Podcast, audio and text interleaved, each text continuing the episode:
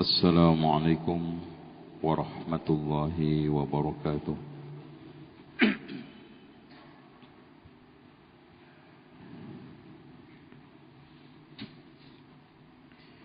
إن الحمد لله نحمده ونستعينه ونستغفره ونستهديه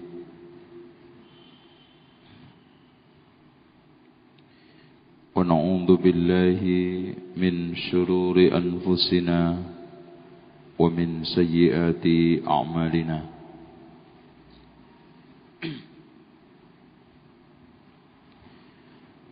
من يهده الله فلا مضل له ومن يضلل فلن تجد له وليا مرشدا. أشهد أن لا إله إلا الله وحده لا شريك له وأن محمدا عبده ورسوله. قال الله عز وجل يا أيها الناس اتقوا ربكم الذي خلقكم من نفس واحدة وخلق منها زوجها وبس منهما رجالا كثيرا ونساء. واتقوا الله الذي تساءلون به والأرحم. إن الله كان عليكم رقيبا. وقال عز وجل يا أيها الذين آمنوا اتقوا الله حق تقاته. ولا تموتن إلا وأنتم مسلمون.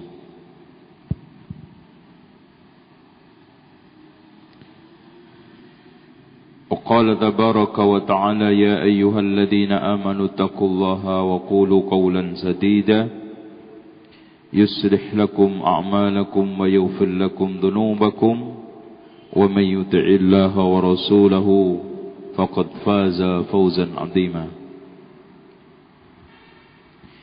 فإن خير الحديث كتاب الله وخير الهدي هدي محمد صلى الله عليه وسلم وشر الأمور محدثاتها وكل محدثة بدعة وكل بدعة ضلالة وكل ضلالة في النار. Hadirin sekalian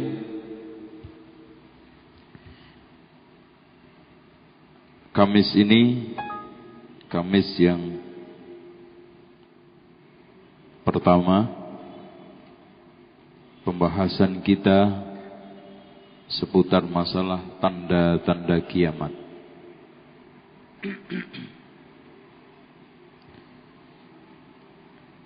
Apakah mungkin Rasulullah menghabarkan tentang tanda kiamat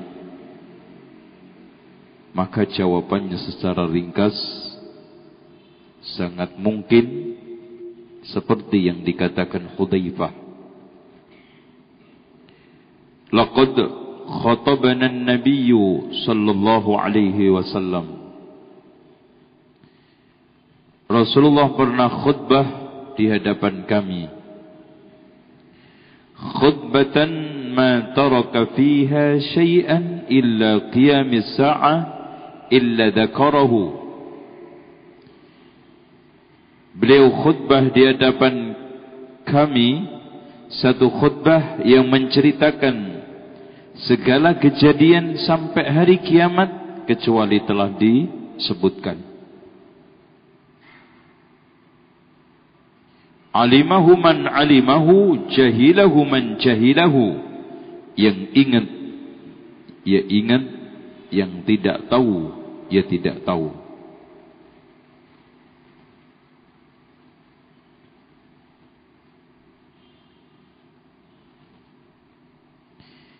In kuntu la'ara syai'a qad nasituhu.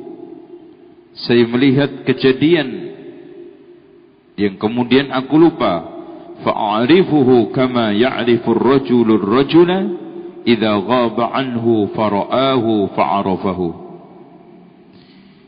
Saya mengenali tanda kiamat yang sudah pernah terjadi. Seperti aku mengenali seperti seorang mengenali temannya ketika lama berpisah tidak ketemu artinya salah satu tanda kiamat yang diceritakan Rasul itu sudah pernah terjadi di zaman Hudaifah artinya nggak meleset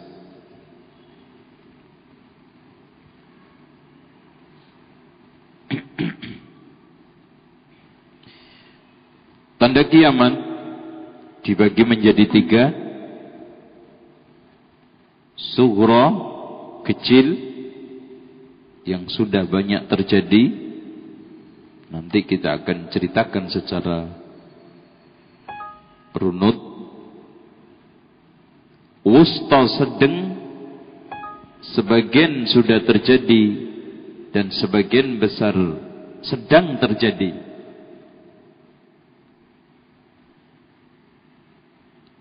dan kubro belum ada yang terjadi.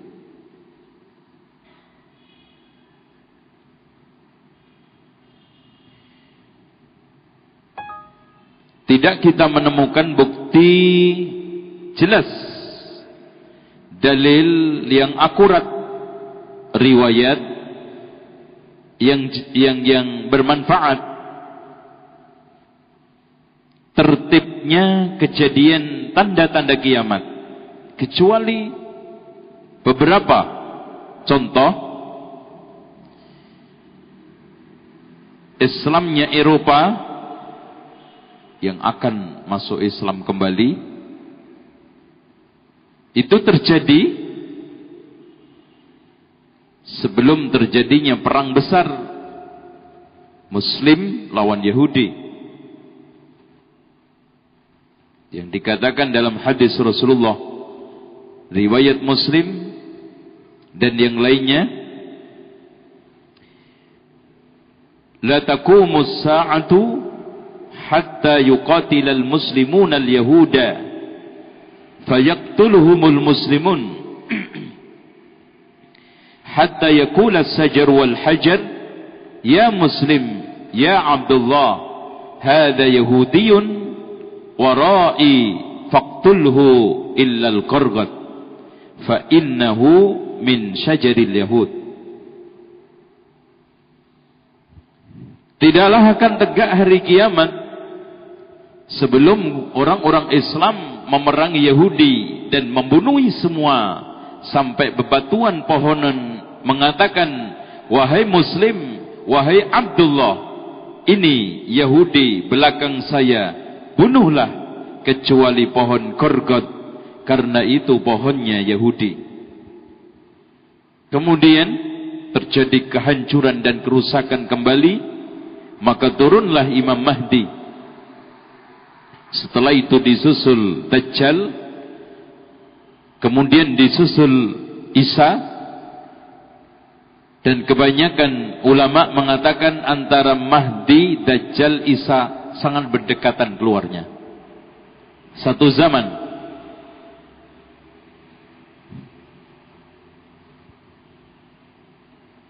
Kemudian setelah itu disusul tanda-tanda lain Ya'jud, Ma'jud keluarnya juga hampir berdekatan karena Isa masih hidup.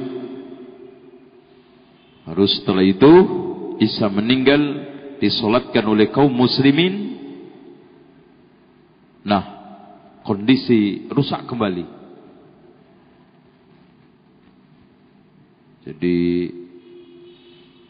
naik turun kehancuran dunia itu menjelang kiamat sangat dahsyat. Zaman zaman Imam Mahdi kemahripah loh Cinawi tentrem totora harjo baldatun tayyibatun warubun ghafur zaman Isa juga begitu saking makmurnya subur sampai delima satu dimakan sepuluh orang nggak habis. Nanti kalau sudah cerita Isa nyampe insya Allah. Pas Ramadan mudah-mudahan. Gimana mas? Ramadan. Betah ngaji nggak nih?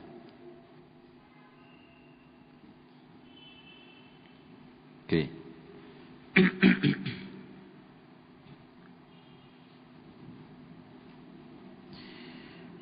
Hadirin sekalian, sekarang kita runut tanda-tanda kiamat kecil yang sudah terjadi. Yang paling pertama kali adalah bi'satun nabi, diutusnya Nabi Muhammad.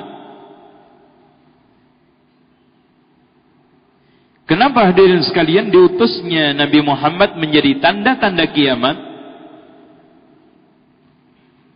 Karena berdasarkan hadis Rasul dari Sahal bin Sa'id qala qala Rasulullah sallallahu alaihi wasallam bu'istu ana was-sa'ah kahataini. Saya diutus zaman saya dengan kiamat seperti dua jari ini. Dalam riwayat Muslim Rasul berisyarat syababah wal wusta. Sababah itu ini. Kenapa dikatakan sababah yang juga disebut dengan isyarah dari kalimat sabba yasubbu yang artinya mencaci. Biasanya kalau marah-marah nunjuknya pakai apa? Ini. Buat marahi orang ini. Itu. Nggak usah nah, gitu kan? Itu. Sababah wal wusta.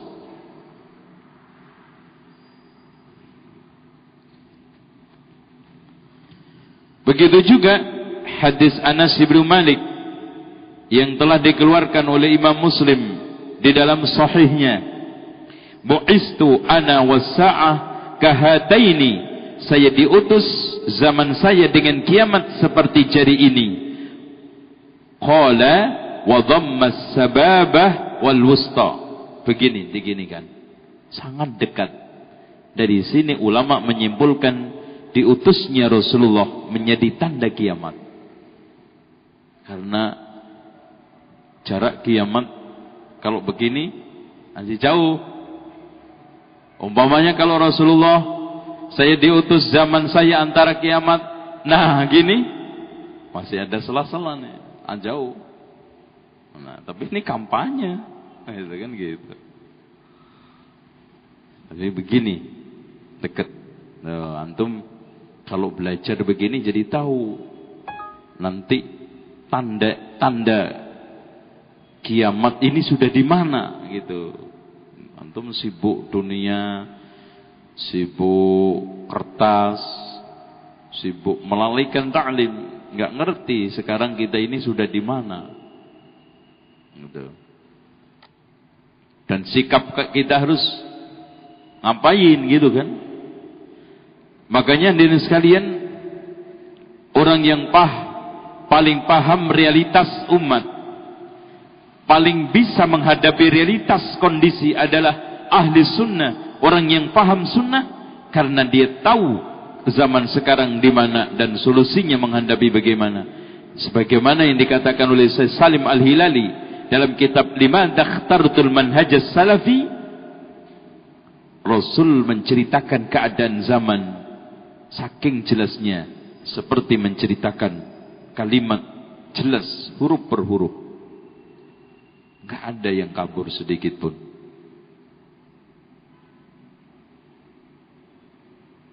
Udah habis ya mas.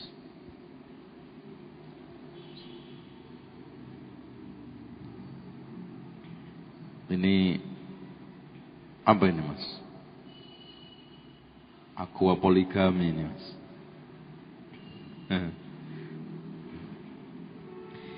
Dalam hadis Abu Jubair marfu'an Rasulullah mengatakan bu'istu fi nasmis sa'ah saya diutus oleh Allah di ujung tanduk kiamat. Jadi ujungnya, pucuk. Sudah mulai masuk. Di nas, nasem itu kalau kita ibarat jalan itu mulai awalnya, startnya.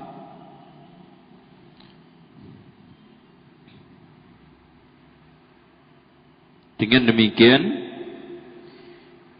para ulama menyimpulkan seperti Imam Al-Qurtubi di dalam kitab At-Tazkirah fi Ahwalil Mauta wa Umulil Akhirah mengatakan tanda tanda kiamat yang pertama kali adalah diutusnya Nabi di akhir zaman. Karena setelah itu tidak ada Nabi lagi. Apalagi dan sekalian Rasulullah SAW mengatakan Saya kunu fi ummati Thalathuna dajjalun.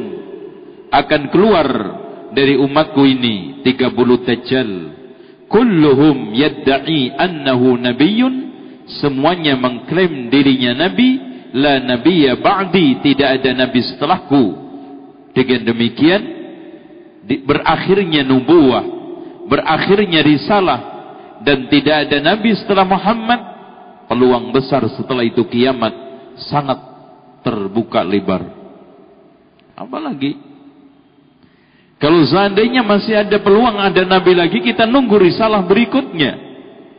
Nabi Musa nunggu risalahnya Nabi Isa. Nabi Isa nunggu risalahnya Nabi Muhammad. Kalau Nabi Muhammad nunggu risalah siapa? Kiamat.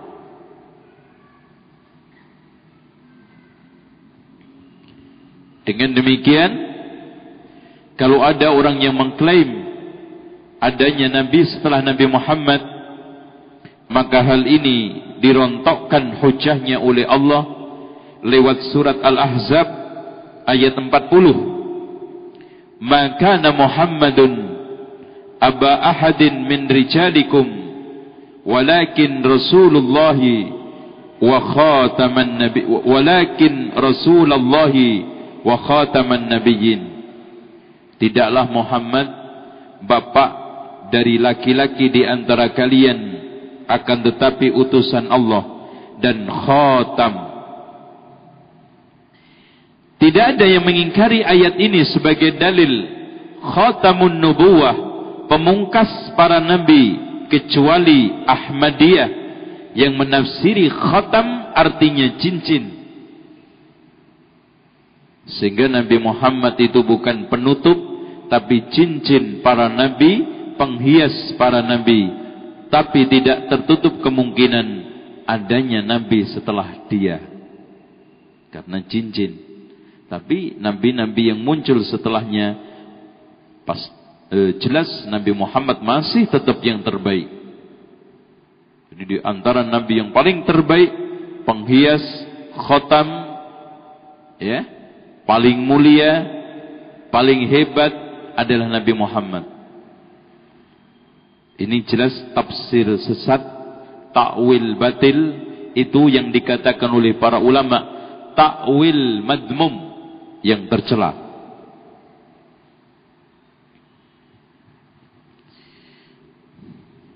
Selanjutnya tanda kiamat yang kecil yang sudah terjadi berikutnya mautun Nabi wafatnya Rasulullah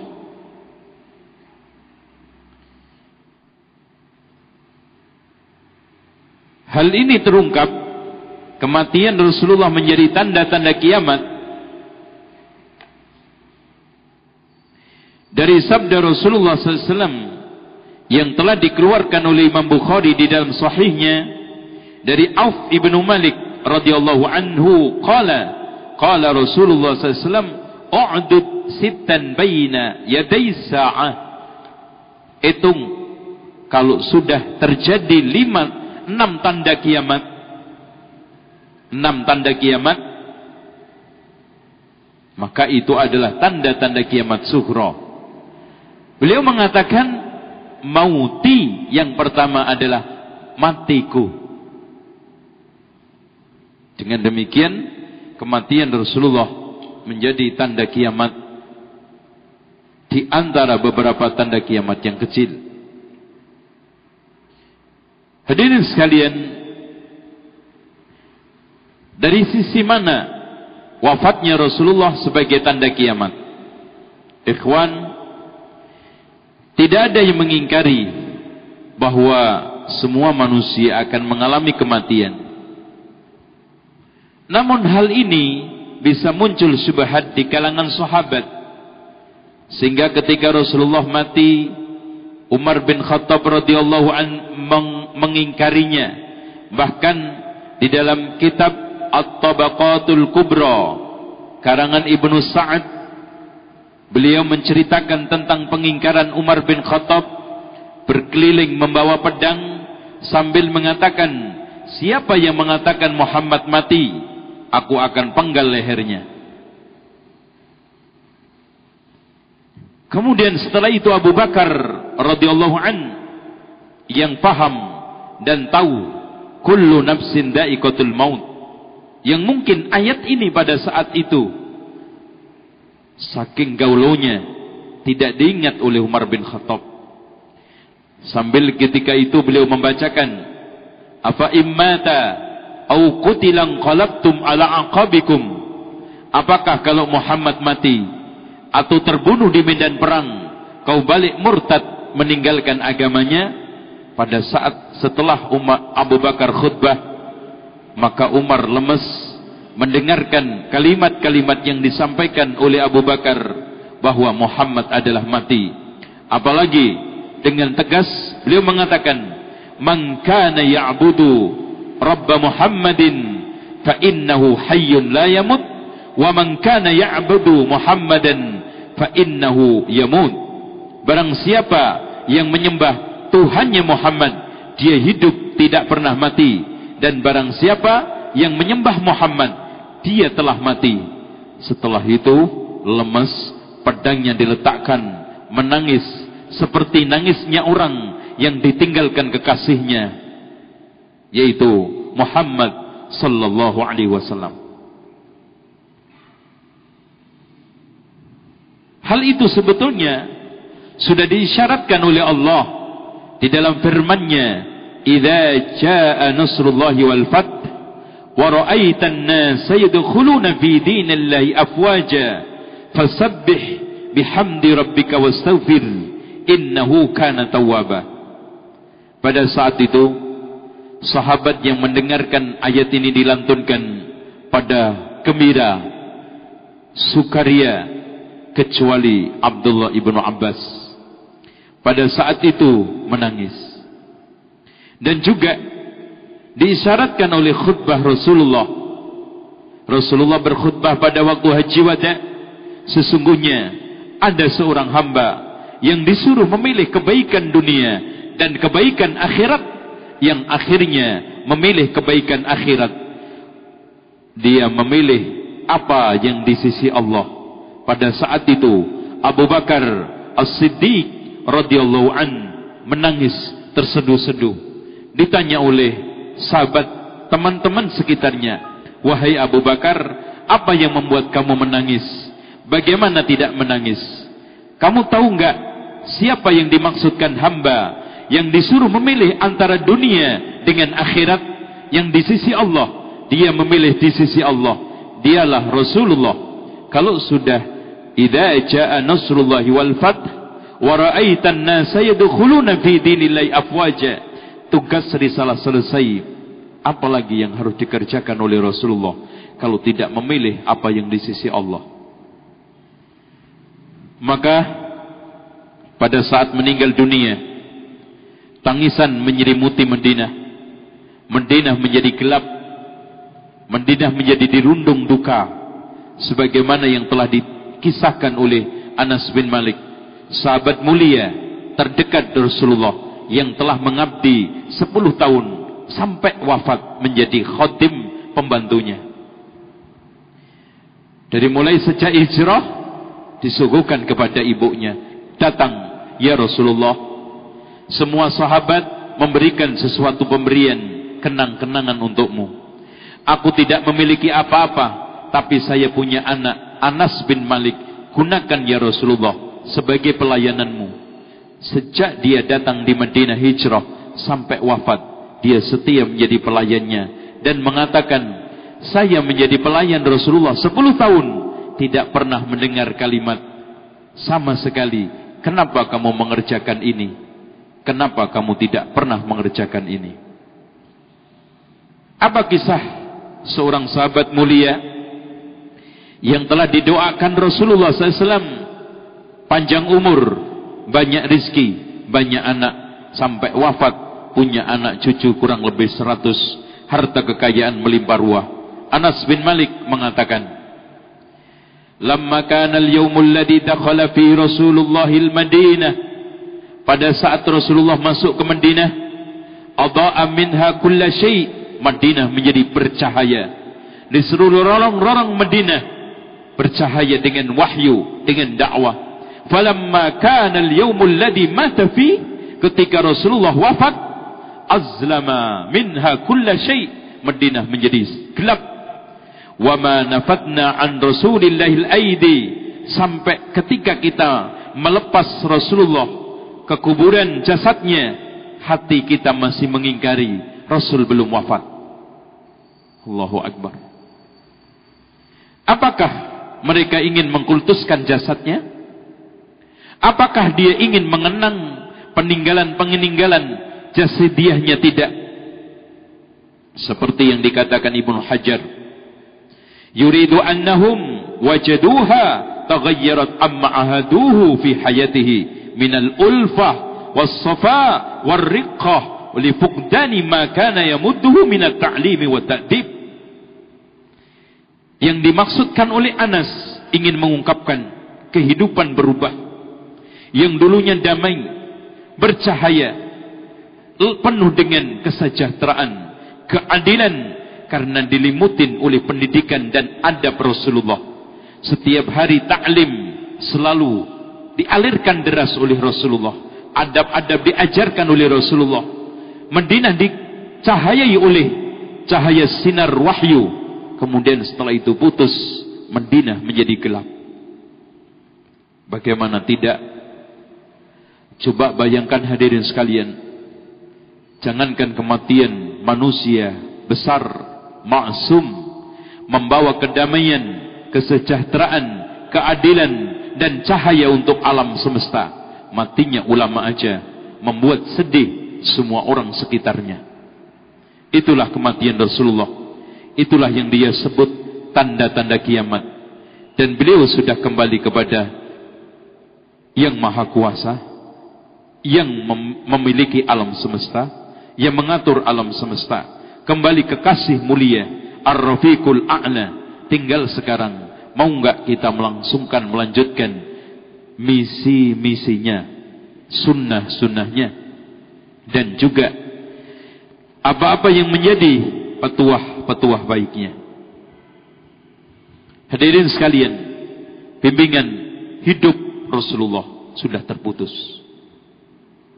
sentuhan kasih sayang hidup sudah hilang perhatian, senyum simpul yang dilempar di setiap penjuru Madinah bersama sahabat sudah tiada. Yang ada hanyalah sunnahnya. Yang ada hanyalah peninggalannya. Dan yang paling berhak untuk mewarisinya adalah al-ulama'u warasatul anbiya. Siapa yang tidak kangen, siapa yang tidak menangis, siapa yang tidak galau di saat-saat senang di saat-saat bahagia berkumpul bersama Rasulullah saat-saat indah sangat-sangat damai seharian dibimbing wahyu salah pun diluruskan oleh Rasulullah kurang pun ditambahi oleh Rasulullah ada orang yang sekarang kendor pun disemangati oleh Rasulullah pembimbing utama pendidik paling ulung orang yang memberikan tarbiyah yang paling sempurna sehingga lulusan-lulusan sekolahannya pun tidak ada yang gagal.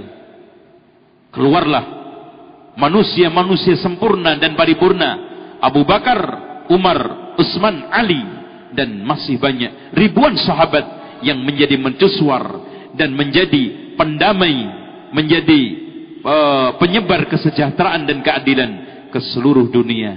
Itulah sahabat ridwanullahi alaihi yang digambarkan oleh Abdullah ibnu Mas'ud. Man kana minkum muta'assiyan falyata'assa bi ashabi Rasul. Jika di antara kalian ingin menjadikan seorang sebagai suri tauladan, jadikan itu Rasulullah sebagai sahabat Rasul sebagai suri tauladan. Fa innahum abarrul ummati quluban karena mereka orang yang paling baik hatinya. Wa a'makuha ilman orang yang paling dalam ilmunya. Wa aqalluha takallufan yang paling sedikit penyimpangannya. Wa ahsanuha halan yang paling baik kondisi zamannya. Qaumun ikhtarahumullahu taala li suhbati nabihi kaum yang dipilih oleh Allah untuk menjadi sahabat nabinya wali iqamati dinihi dan menegakkan agamanya. Sehingga berbahagialah orang yang bisa mengikuti sunnah dan pemahaman Rasul dan sahabatnya. Alaikum bisunnati wa sunnatil khulafair rasyidin. Bukan orang-orang yang melawannya melecehkannya, menghujatnya, apalagi mengatakan sepeninggal Rasulullah. Hampir semua sahabat murtad. Na'udzubillah min dalik.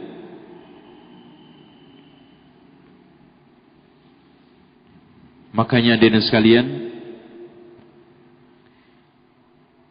Abu Amr mengatakan khusus tentang sahabat Abu Hurairah. Eh, tentang Abu Hurairah ini uh, Imam Bukhari. Penebar sunnah, penjaga, pemelihara, pelestari peninggalan Rasulullah. Siapa yang berbicara miring terhadap Imam Bukhari, maka akulah musuhnya dan aku kutuk seribu kutukan.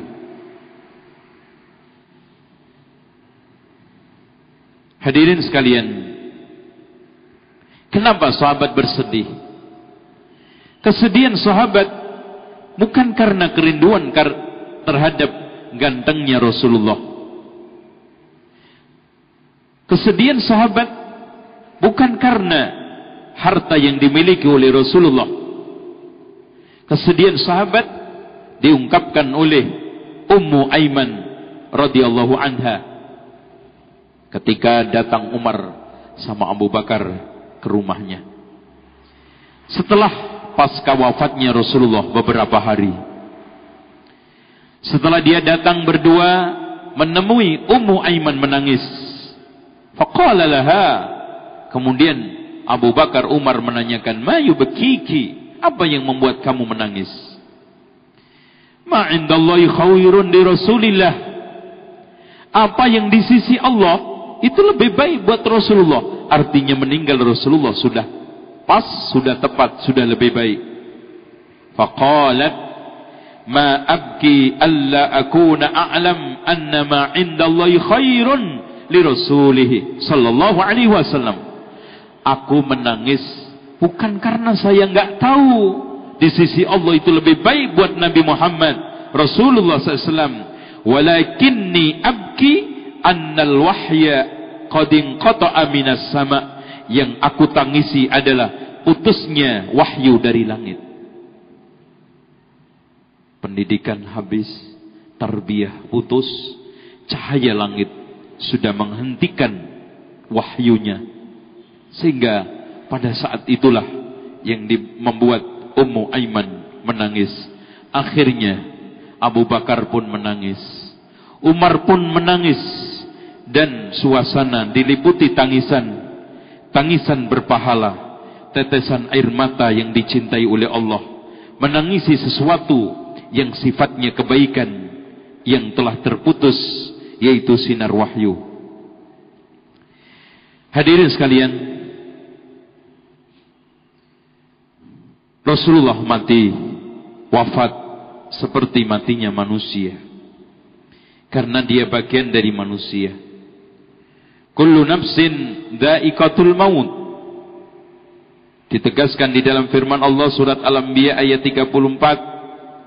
وما جعلنا لبشر من قبلك الخلد أفإن مت فهم الخالدون كل نفس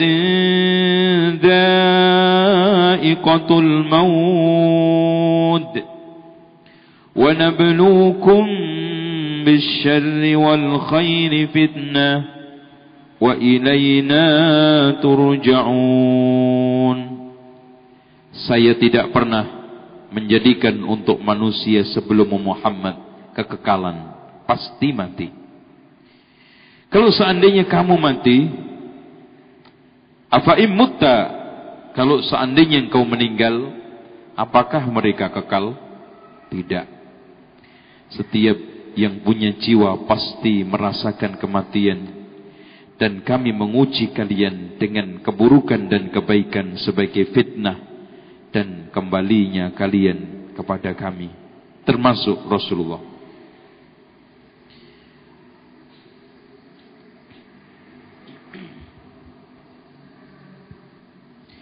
Hadirin sekalian terakhir Imam Al-Qurtubi mengisahkan awalu amrin dahamal Islam perkara pertama kali yang membuat Islam bersedih semua ba'dahu mautu Umar. Kemudian setelahnya adalah kematian Umar. Dengan kematian Rasulullah wahyu terputus. Dengan kematian Umar fitnah terbuka. Yang nanti kita akan bahas ketika ditanya Ukhudaifah tentang masalah fitnah yang menggelombang seperti gelombang lautan. Antara Umar dengan fitnah itu ada satu pintu. Ketika tanya pintu itu dijebol apa dibuka wajar? Maka Hudzaifah menjawab pintu itu dijebol. Katanya Umar kalau memang begitu akan tidak bisa ditutup selamanya. Makanya ikhwan setelah wafatnya Umar fitnah mengalir deras menggelombang seperti gelombangnya lautan. Oleh karena itu, Abu Bakar eh, Sofia binti Abdul Muttalib melantunkan sebuah syair ketika meninggalnya Rasulullah. La amruka ma'abkin nabiyya li faqdihi. Demi Allah, aku tidak menangisi Nabi karena wafatnya. Walakinna ma'akhsha minal haraj atiya. Akan tetapi, aku takutkan haraj yang akan datang setelah kematian Rasulullah. Apa haraj? Disebutkan dalam hadis Bukhari dan Muslim, kematian yang merajalela, pembunuhan yang terjadi di mana-mana, yang membunuh tidak tahu alasannya kenapa harus membunuh dan yang dibunuh tidak tahu alasan secara persis juga kenapa aku dibunuh. Cukup sekarang jam ya cuma dapat dua. Kita buka tanya jawab.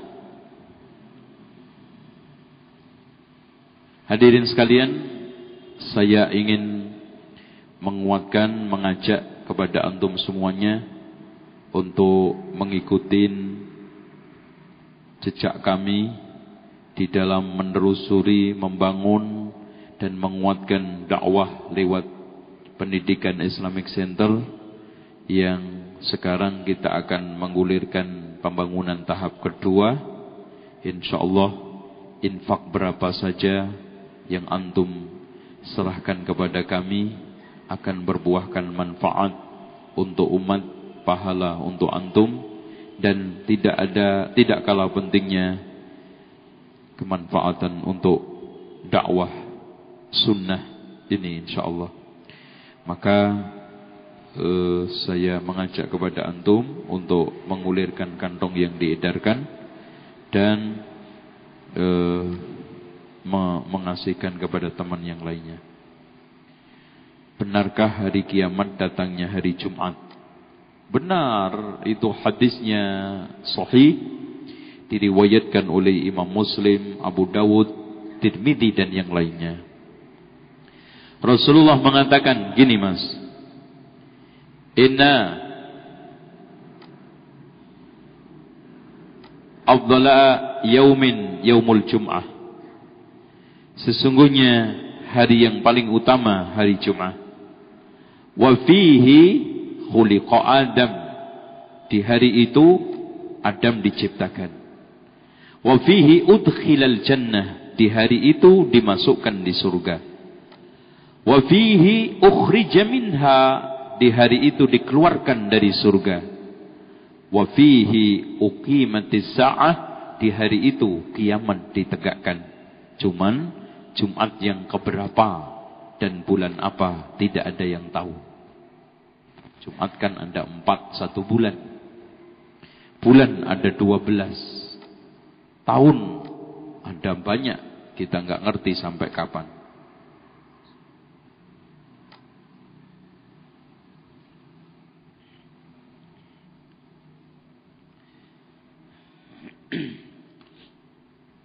Apakah orang mukmin yang hidup di masa Dajjal dapat terhindar dari fitnahnya? Iya. Asalkan hafal 10 ayat pertama dari surat Al-Baqarah atau awal dari maaf awal dari surat Al-Kahfi. Dalam hadis Rasulullah yang sahih, man hafidha awail surat Al-Kahfi usima min fitnatid dajjal siapa yang hafal awal-awal surat Al-Kahfi dijaga dari fitnah dajjal. Apakah tugas Imam Mahdi dan apakah semua umat muslim harus berbaikat dengan turunnya Imam Mahdi? Iya. Dan tolong dicamkan ikhwan Imam Mahdi dan peperangan Yahudi Nasrani keluar sebelum turunnya Isa dan Dajjal.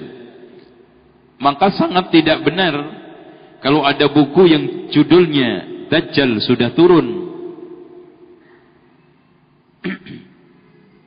Ini penipuan. Itu Dajjal sendiri itu nipu orang. Kenapa hadirin sekalian? Klaim pemastian tanda-tanda kiamat tidak pernah dilakukan oleh Rasulullah. Sahabat dan tabi'in pasti terjadi di zaman ini. Enggak ada. Nanti Dajjal keluar tahun 3000, enggak ada. Dengan demikian, buku yang judulnya Dajjal sudah turun menyesatkan. Apakah tugas Imam Mahdi cukup?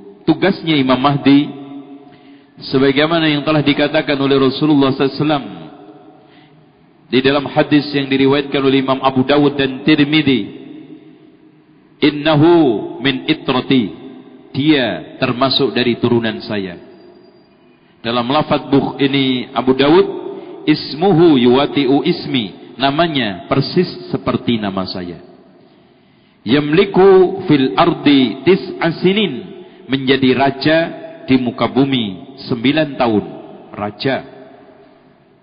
Makanya pemerintahan yang benar itu sistemnya kerajaan. Yamla'ul arda qistan wa adlan kama yamla'u juran wa dhulman akan memenuhi bumi dengan keadilan dan kedamaian seperti sebelumnya penuh dengan kejahatan, kezaliman dan penganiayaan. Dalam lafaz lain, sab'un sinin, tujuh tahun umurnya. Tugasnya itu menjadi hakim, menegakkan hukum syariat Muhammad seperti yang dilakukan oleh Isa alaihi salam yang dikatakan dalam hadis Rasulullah yushiku ayanzila alaikum Isa bin Maryam hakaman adlan yaksiru salib wa yaqtulu al-khinzir wa yad'u al-jizyah wa yafidhu al-mal hatta la tuqbalu sadaqatun wa inda dhalika sajdatun wahidatun khairun minad dunya wa ma fiha. Hampir-hampir Isa turun menjadi hakim yang adil, memecah salib, membunuh babi, meletakkan bajak dan membawa kedamaian. Dan harta kekayaan melimpah ruah. Sampai-sampai orang menawarkan zakat tidak diterima.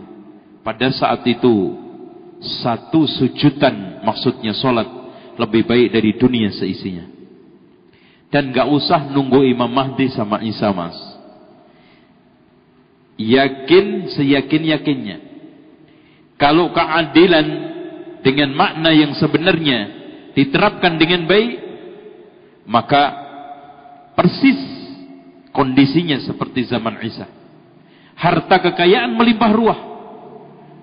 Ya ikhwan gak usah jauh-jauh nanti, sekarang aja.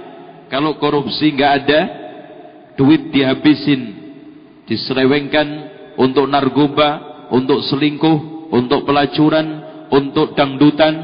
Ya Kalau zaman Imam Mahdi nggak ada dangdutan, nggak ada selingkuh, selingkuh penggal, nggak ada maling nggak rompok. Mas saya tanya, harta kekayaan Indonesia ini kalau hanya dibuat makan, pakaian, bikin rumah, perabot rumah tangga, kurangnya apa? Cuman kan tadi itu penyimpangannya yang banyak. Karena tidak ada penyimpangan adil, melimpah ruah. Butuh apa lagi antum? Hutan yang begitu ribuan hektar untuk membangun rumah yang hanya 2 juta, 200 juta, 300 juta, eh, 230 juta Kecil. Semen. Tapi penyimpangan karena kedoliman dan ketidakadilan menjadi miskin, pengangguran banyak, terlantar, kacau balau.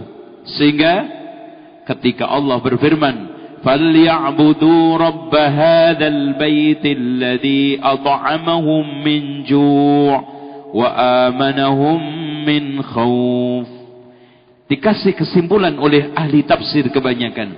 Fal ya'budu rabb hadzal bait. Akibatnya wa amanahu eh, fal ya'budu rabb hadzal bait alladhi at'amahu min ju' kelaparan hilang wa amanahu min khauf ketakutan hilang. Udah. Dengan kita menegakkan tauhid, yakin keamanan merata, kedamaian di mana-mana, dan tidak ada kemiskinan dijamin enggak ada orang miskin Miskin itu hanya status. Buktinya mas, sistem keadilan ini dicangkok dan ditiru sedikit saja oleh negara-negara Eropa. Seperti Jerman, cari orang untuk dikasih zakat nggak nemu. Di Jerman itu bayar zakat nggak nemu. Makanya orang-orang KBRI itu dihimpun Dibuang ke Indonesia. Karena dicek-cek nggak ada yang layak untuk mendapatkan zakat. Tuh lihat, baru sedikit. Sehingga Syekhul Islam Ibn Taimiyah mengatakan Allah akan menegakkan negara yang adil walaupun kafir dan Allah akan merontokkan negeri yang zalim walaupun muslim dan jangan salah faham ini bukan penghinaan sistem Islam Pak kalau keadilan sistem Islam akan membuahkan kedamaian.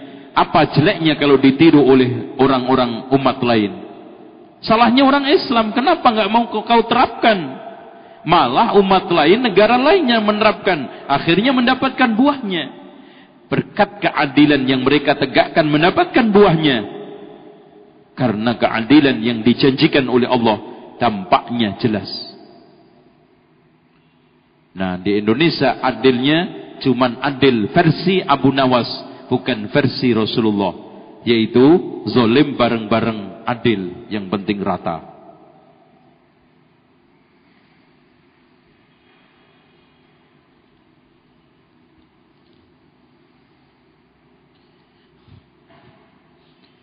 Zat yang dosa apa saja yang tidak diampuni? Syirik, kufur, sihir Kecuali kalau sebelum mati sempat bertaubat. Semua dosa mas tanpa kecuali kalau tobat taubatan nasuha sebelum ajal tiba diampuni oleh Allah. Makanya makna innallaha la yaghfiru ayyushraka bihi wa yaghfiru ma duna dzalika liman yasha. Allah tidak mengampuni dosa syirik dan mengampuni yang lainnya artinya tidak mengampuni dosa syirik kalau sampai mati belum sempat taubat. Tapi kalau sebelum mati tobat, ya diampuni.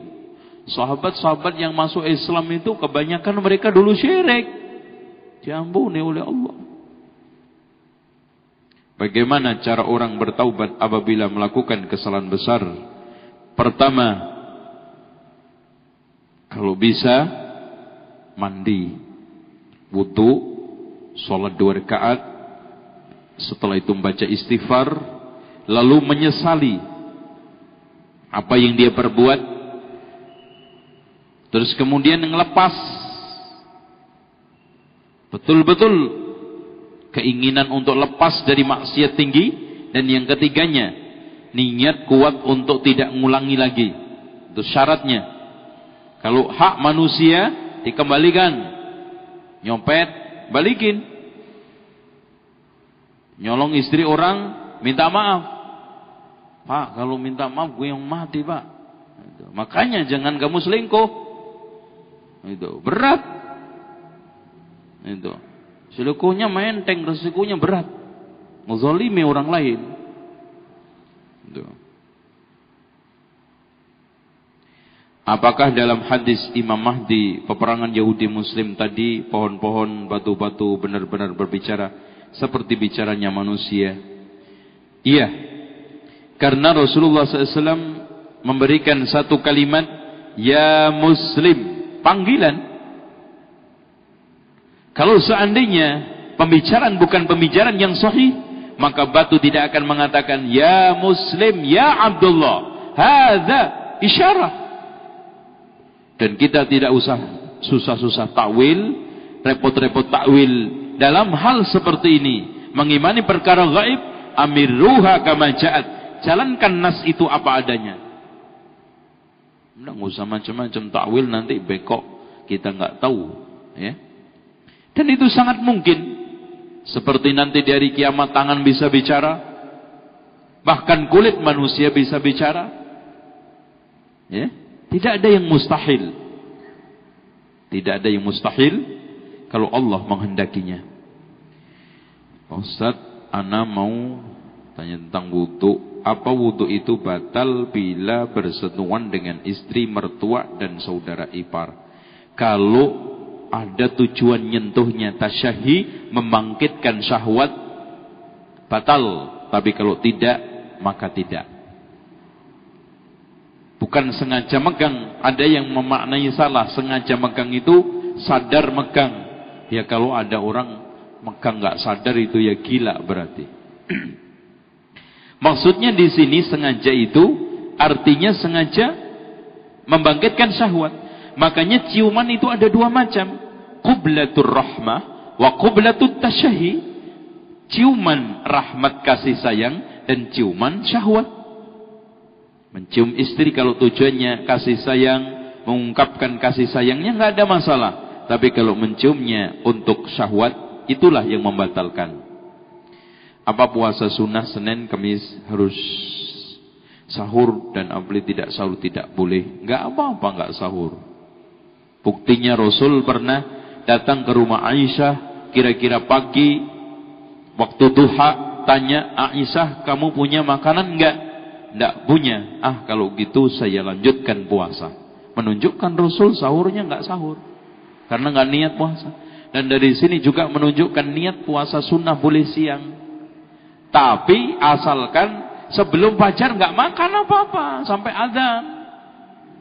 Kalau tadi jam 6 makan, jam setengah 6 udah ketupat bablas satu piring, ya nggak boleh. Gitu ya. Bagaimana caranya untuk mampu oh Pak Antum gerakan dakwah Islam agar tidak timbul perbedaan-perbedaan yang dapat mengurangi kekuatan atau persatuan. Ikhwan, tolong dicamkan. Kalau kita berbicara persatuan, pertanyaan di atas apa dan untuk apa harus kita jawab dulu. Suatu persatuan ukhuwah yang sangat mustahil dan mubazir kalau belum bisa menjawab ini. Makanya Allah ketika meletakkan dasar persatuan dalam surat Al-Hujurat, innamal mu'minuna ikhwatun. Sesungguhnya orang beriman itu saudara. maksudnya di sini dasar persaudaraan adalah iman. Sehingga ngumpul nggak ngumpul yang penting beriman, apa iman nggak iman yang penting ngumpul. Yang pas mana pak? Udahlah iman nggak iman, syirik murtad, kafir bid'ah, sunnah bid'ah, yang penting ngumpul. Ini persatuan yang akan pasti membuahkan apa? pertikaian-pertikaian terselubung secara munafik. Dengan demikian saya sering mengumpamakan persatuan tanpa menyatukan persepsi, tanpa menyatukan visi dan misi art dalam bahasa gampangnya itu pemahaman, mendingan persatuan mikrolet. Warnanya sama, tujuan durusannya sama. Tapi apakah itu ukhuwah? Tidak giliran rebutan penumpang saling jegal menjegal. Begitu juga persatuan tukang judi. Tunggu lihat ngelingkernya rapi kan? Ukhuwah judiyah. Rapi. Kompak. Bahkan ikhwan. Tidak ada orang yang paling kompak kecuali penjudi-penjudi. Mulainya, akhirnya selalu damai. gitu. Rukun, tengkar kadang-kadang aja. Apakah kita katakan ukhuwah? Tidak. Dengan demikian, ketika kita ingin mencita-citakan ukhuwah, yang harus kita benahi adalah pemahaman kita. Karena pemahaman inilah yang memberikan jaminan untuk bersatu. Contoh saja, persatuan kesatuan yang di dikumandangkan di Indonesia ini berakhir apa? Mengorbankan syariat Islam. Bersatu untuk mengorbankan syariat Islam. Contoh awal akhir Ramadan. Bersatu dengan akhir apa? Meninggalkan hadis Rasulullah. Sumuri ru'yatihi wa abtiru li ru'yatihi. Yang penting kita nggak ada masalah. Syariat ada masalah, biarinlah bersatu untuk meninggalkan syariat. Nggak kepake. Maknanya bersatu sekarang ini nggak usah tegang-tegang mempermasalahkan dalil. Itu yang penting kita akor. Akornya tukang judi tadi. Padahal hadirin sekalian persatuan adalah persatuan agama. Makanya Allah berfirman, "Aqim wa an aqimud dina wa la tatafarraqu." Hendaknya kamu menegakkan agama dan jangan berselisih di dalam menerima konsep agama. Ya udahlah. Akhirnya kan bahasanya mereka perbedaan rahmat, kan gitu akhirnya. Udahlah kita nggak usah bersih tegang, masing-masing aja, yang penting rukun, jangan mempermasalahkan yang puasa hari Senin, yang puasa hari Selasa, gimana nggak mempermasalahkan? Wong Selasa amar Senin itu beda. Wah, itu kan hanya sekedar perbedaan yang ya kasuistik yang kita bisa tolerir. Ente ngomong tok tolerir enak. Yang praktek ini coba bayangkan yang atunya masih itikaf, yang satunya udah takbir. Yang atunya udah takbir, yang satunya masih itikaf. Tuh. Dengan demikian ikhwan, persepsi, pemahaman, visi dan misi.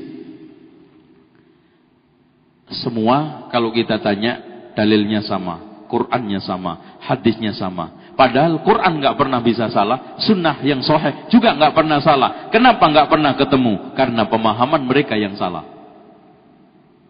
Nah, pemahaman yang salah ini harus diluruskan. Nah, standarnya apa? Pemahaman Rasul, sahabat tabiin. Karena mereka lah yang dijamin. Seperti yang dikatakan oleh Ibnu Mas'ud, kalau kau ingin jadikan orang sebagai suri tauladan, jadikanlah sahabat Rasul sebagai tauladan, suri tauladan. Karena dia orang yang paling baik hatinya, paling dalam ilmunya, paling sedikit penyimpangannya, bahkan dijamin oleh Allah an amta alaihim jaminan surga. Karena apa Mas?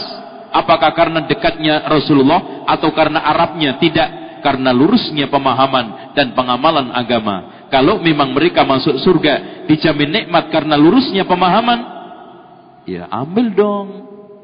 Kan aman itu. Sehingga Rasulullah mengatakan, khairun nasi qarni summal ladina yalunahum summal ladina yalunahum. Sebaik-baik manusia orang yang hidup pada zaman saya kemudian setelahnya kemudian setelahnya. Walhasil antum kalau ikut pemahaman mereka dijamin kalau ada perbedaan hanya sifatnya variatif yang satu dengan yang lainnya saling mendukung. Satu lagi. Umat Islam harus berjamaah dan mempunyai amir jamaah. Dan amir mana yang harus kita ikuti? Amirul mujahidin. Ya ikhwan antum jangan berbicara amir sekarang ini. Bicaralah tentang bagaimana saya itu bisa belajar dengan baik. Kemudian mendapatkan ilmu yang baik pemahaman yang lurus. Itu asasnya.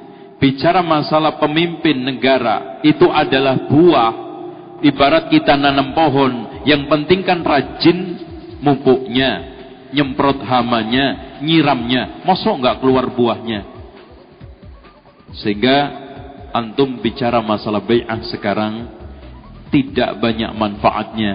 Karena tidak ada satu imam pun yang layak untuk dibai'ah.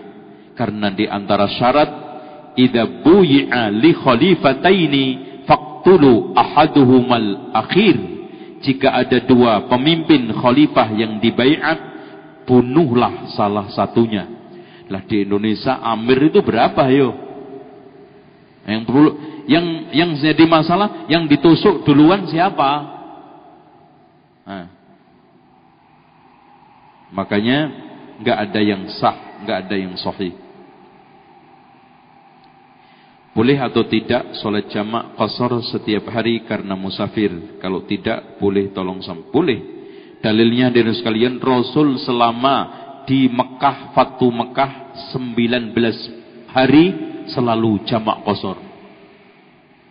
Bahkan ada sahabat yang sampai 6 bulan karena darurat ya. Karena terjepit oleh es salju. Benar atau tidak bahwa sholat isya yang bagus di akhir waktu sahih. Berdasarkan hadis riwayat Ahmad laula an asyqa ala ummati la akhartul isya li hadzal waqt. Kalau bukan karena memberatkan umatku takut khawatir memberatkan umatku waktu isya saya akhirkan di waktu ini ketika itu hampir pertengahan malam. Tapi jangan sampai bablas setelah pertengahan malam. Itu namanya golek uceng kehilangan delek karena Rasul mengatakan waktu solatul isya'i ila nisfil lail, waktu solat isya itu sampai pertengahan malam. Titik. Hadis muttafaqun alaih. Bukhari Muslim. Saya tolong jelaskan poligami menurut uh, duh. Ini di saku aja. Poligaminya masuk saku. Bagaimana alusuna tentang poligami? Waduh, masuk saku lagi. Demikianlah hadirin sekalian waktu jua yang membatasi. Poligami dengarkan insya Allah di 107 Dakta. Rabu malam saya akan membahas poligami dalam sorotan syariat. Insya Allah kita kupas tuntas pembahasan itu mudah-mudahan bisa. Dan sengaja saya membahas karena belum menikah cuma satu biar pihak netral. gitu kan gitu. Biar nggak disudon sama ibu-ibu kan gitu. Wah, lo bela-belain emang udah nikah dua. Nah, kan gitu. Saya masih nikah ya, baru satu. Saya bahas insya Allah nanti mudah-mudahan ada faedahnya buat antum. Intinya nikah poligami itu boleh-boleh saja asalkan adil. Nah, kriteria adil itu bagaimana kita bahas insyaallah.